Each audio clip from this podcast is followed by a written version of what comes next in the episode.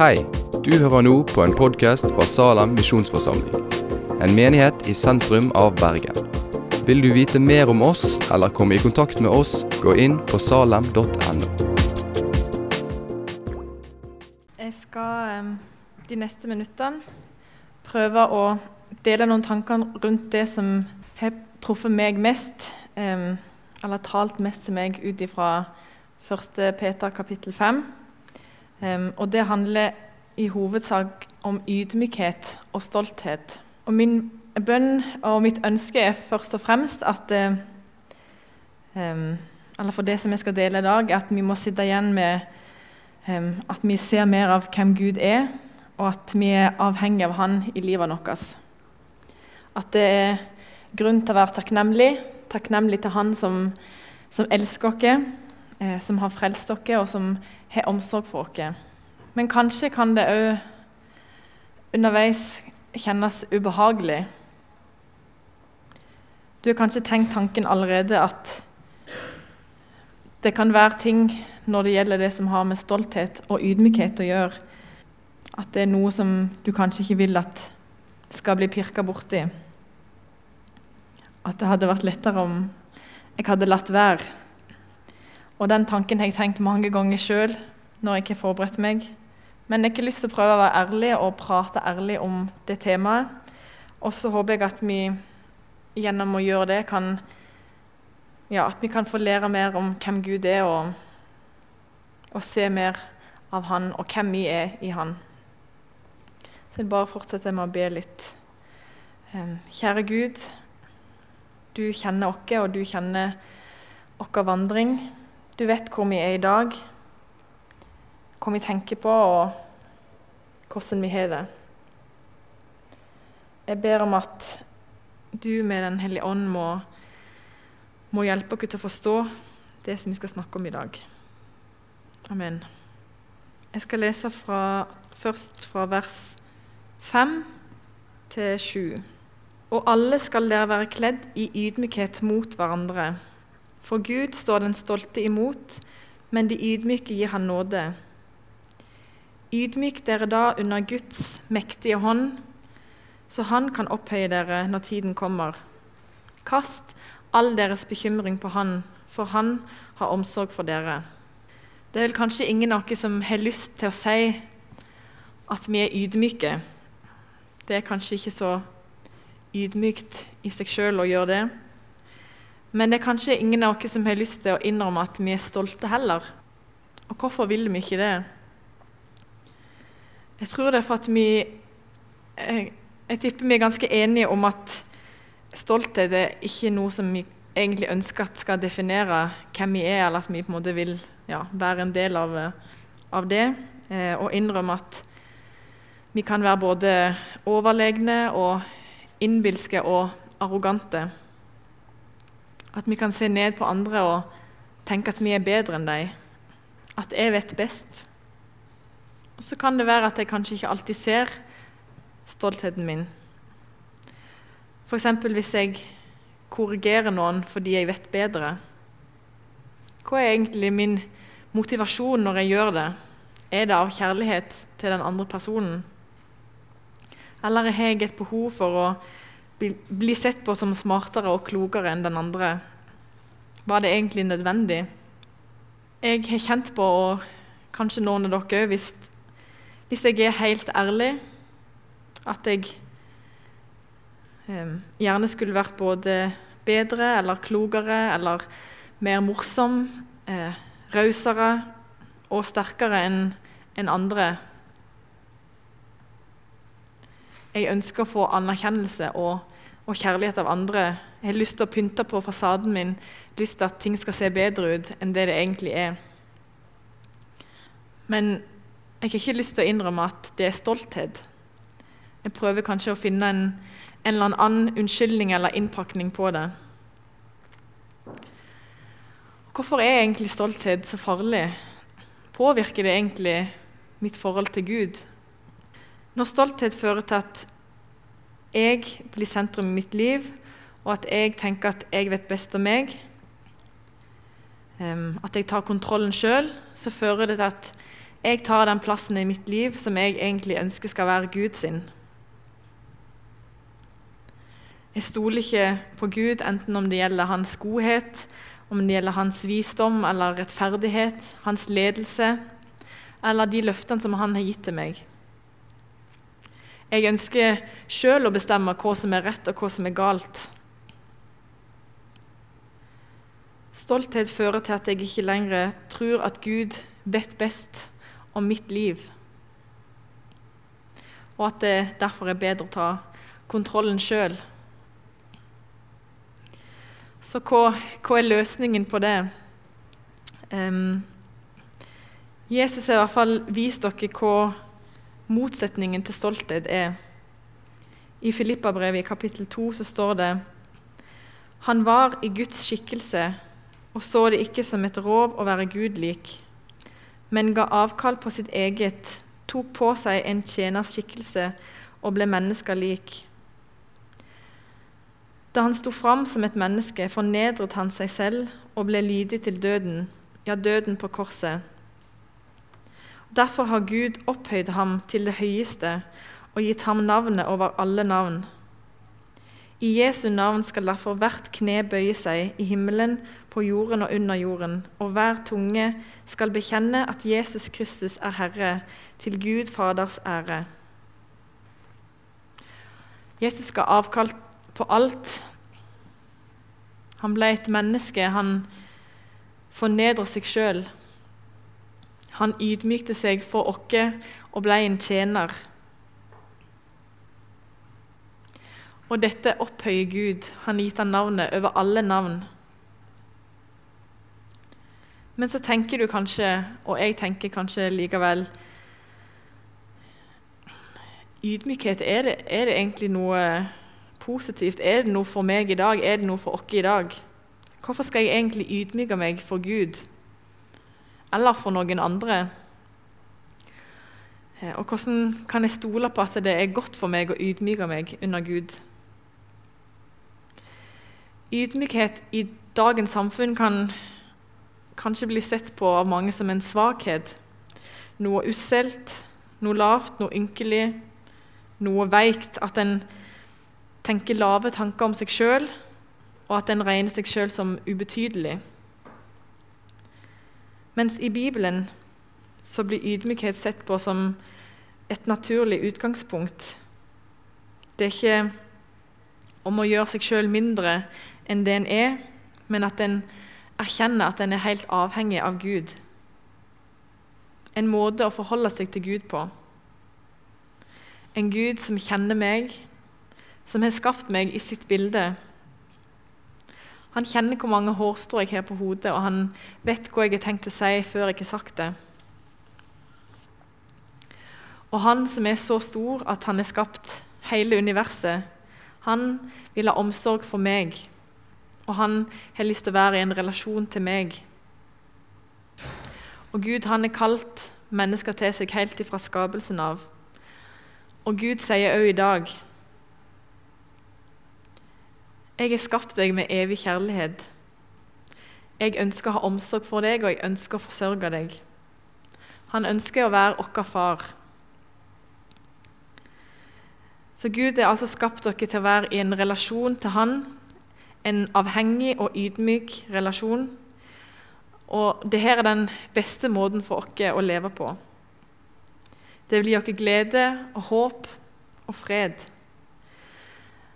Òg midt i lidelser, sånn som det har vært snakket om tidligere i den taleserien, at òg i lidelser og når ting er vanskelig, så kan vi få erfare det. Ydmykhet er å komme med, med tomme hender inn forbi Gud og med åpne hjerter og si at 'jeg er helt avhengig av deg'.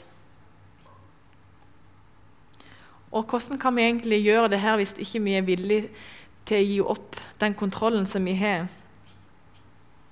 Hvordan kan jeg bli fylt av Gud hvis jeg er fylt av, av mitt eget? Jeg er nok med meg sjøl, med min egen stolthet. Og så vil jeg bare presisere før jeg går videre, at det, det er ikke sånn at fordi vi skal være ydmyke, så betyr det at vi ikke skal få se på oss sjøl med stolthet, en, en, god og sunn stolthet. En stolthet der vi um, vet at vi har verdighet. At vi får anerkjenne det som Gud har lagt ned i oss, de gavene og egenskapene som han er i oss. Det er ikke noe motsetning til det å være ydmykhet, men det er en, ja, en sunn og god stolthet, og ikke en sånn stolthet som vi snakket om tidligere. Um, I det ene verset som vi leser, så står det at vi skal ydmyke oss under Guds mektige hånd. Og Dette sier noe om hvem, hvem Gud er. Hvem er Han som vi skal ydmyke oss under? Guds mektige hånd det peker tilbake til Det gamle testamentet eh, og på Israels folk sin utvandring fra Egypt. Det peker tilbake på hva Gud har gjort, at han har vært trofast. At han var med dem og førte dem ut. Han vil, han vil forsørge oss, og hans mektige hånd den hviler over oss òg i dag. Og videre vers 7 at vi skal få kaste all bekymring på Han, fordi Han er omsorg for oss. Og tilbake til denne kontrollen som jeg nevnte tidligere.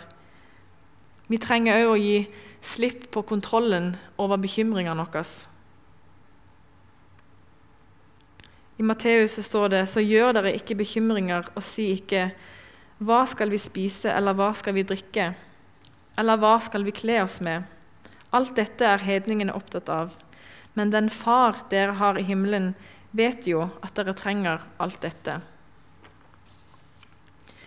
Grunnen til at vi kan kaste all bekymring på Gud, er at han har sagt at han vil sørge for oss, og vi kan lese i Bibelen at han er trofast. Han har vært trofast, og han er fortsatt trofast. Så vi skal ydmyke oss under Gud. Eh, men i vers 5 så står det òg at vi skal eh, være kledd i ydmykhet mot hverandre. Og det er, ja, det er fort gjort å bli misunnelig eller tenke at jeg heller skulle hatt noen egenskaper som noen andre har, eller tenkt at jeg skulle ønske at ja, at jeg var mer raus eller mer et eller annet enn noen andre. At en har lyst til å kjenne på, ja, kjenne på det. Um, men vi trenger hverandre, og vi trenger at vi er forskjellige. At, ja, vi trenger å heie på hverandre og løfte hverandre opp. Se på hverandre istedenfor å se innover i oss sjøl. Og det at det står at vi skal være kledd i ydmykhet, sier kanskje noe med at dette er noe vi må velge. Noe vi må velge å ta på oss. At det, det på en måte ikke kommer naturlig. Det er noe vi må velge å ta på oss framfor stoltheten. Um, og Hvis vi leser de neste versene, så ser vi at det, det er en som ønsker at, um, at vi ikke skal kjempe imot stoltheten. Og han vil få oss vekk fra, fra, å velge det og ikle oss ydmykhet. I, um, kapittel, nei, ja, I samme kapittel, i vers 8 og 9, så står det Vær edru og våk. Deres motstander djevelen går omkring som en brølende løve for å finne noen å sluke. Stå ham imot fast i troen. Dere vet jo at deres søsken rundt om i verden må gjennomgå de samme lidelsene. Djevelen prøver å få oss vekk fra Gud. Han vil få oss vekk fra å leve nær til Gud fra å stole på Han. Å appellere til vår stolthet um, er et av djevelens beste og mest effektive våpen. I ei bok um, som heter 'Djevelen dypper pennen', så skriver C.S. Lewis da skriver han brev som er fra en demon og til hans nevø. Og denne demonen skriver da bl.a. om ydmykhet. Så det jeg leser, handler da om, om oss. Overrask ham i det øyeblikk når han er virkelig fattig i sin sjel, og får smuglet inn i sjelen hans den tilfredsstillende tanken Nei, så sannelig, jeg holder på å bli ydmyk. Og nesten med det samme kommer stoltheten. Stoltheten over hans egen ydmykhet. Hvis han oppdager faren og forsøker å knuse denne nye form for stolthet, så forsøk å gjøre ham stolt overfor sitt forsøk, osv. Gjennom så mange stadier han vil. Så det blir på en måte en sånn der eh, ond sirkel at, som en tenker at en ikke kommer ut av. Uansett hva jeg prøver på, så vil djevelen få deg til å tenke at det er bare en ny form for stolthet. Så Peter skriver 'vær edru og våk'. Og I begynnelsen så sa jeg litt om det at det, det er ikke sikkert alltid at jeg helt skjønner at det er stolthet. Jeg måtte vil gjemme det inn i noe annet. At den sniker seg inn, og at vi ikke kjenner det igjen. Og det er her disse oppfordringene kommer inn i bildet. Det motsatte av å være edru og våge er å være full og sove. Og i de tilstandene så er en kanskje ikke helt ja, i stand til å merke om det er stolthet som ligger på lur. En er sårbar, og djevelen vil prøve å lure seg inn. Og Derfor så sier Peter, 'Vær edru og våk'. Men hvordan kan jeg stå imot de angrepene eller, ja, som djevelen kommer med? Hvordan skal jeg få kraft til det? For å stå imot og komme ut av den der sirkelen som djevelen ønsker å lure oss inn i, så trenger vi motstand og tro. Stå ham imot, faste i troen. Vi trenger Gud, og vi trenger å være faste i troen på Han. Og til det trenger vi Guds kraft. Og Det at det er formulert på den måten 'stå ham imot', viser at det, det er på en måte en hele tida aktiv motstand mot måte, djevelens hele tida pågående fiendskap han prøver. Det er noe som er i gang hele tida. Og vi trenger å be. Bruke bønn aktivt. Og bruke Guds ord og hans løfter inn i de bønnene som vi ber. I vers 10 og 11 så står det En kort tid må dere nok lide, men all nådes Gud, som ved Kristus har kalt dere til sin evige herlighet, han skal utruste dere, gi dere kraft og styrke og stille dere på fast grunn. Makten er hans i all evighet. Amen. Ofte så snakker vi om å anvende Guds ord og det å se hva det som står i Bibelen, kan bety for livet vårt i dag. Og det er på en måte det vi har prøvd å gjøre nå. Men vi kan òg anvende de de ordene som står i disse versene, og på en måte be de helt konkret inn i livet vårt. Ta tak i de løftene som Gud har gitt, og be de over livet vårt. Og det er det vi skal avslutte med å gjøre nå. Og Først vil jeg bare si at det vil være forbønn nå etterpå, inn den bakerste døra. Og kanskje du har lyst til at noen andre skal få lov å være med og be helt konkret inn i ditt liv, eller inn i noen ting som du tenker på, eller som du har blitt minnet på. Um, men jeg vil bare avslutte med en felles bønn for oss alle. Jesus, jeg takker deg for dine løfter. Takk for at du har lovt at du vil utruste oss til å stå i denne kampen. At vi ikke skal gå i egen kraft, men at du vil gi oss din styrke og din kraft. At vi kan få stole på at når vi kommer til deg, så skal vi få sette våre føtter på fast grunn. Jeg takker deg for at makten er din, at du har seira over mørket, over djevelen, over stoltheten, og at vi derfor kan ha tillit til deg. Og Jesus, jeg ber om at du må gjøre oss ydmyke, at du må være sentrum i livet vårt. Jeg ber om at du må avsløre den stoltheten som vi har i våre egne liv. Vi kommer til deg med tomme hender og takker deg for at du vil fylle oss. Vi ber om at Din Hellige Ånd må forvandle oss. Amen.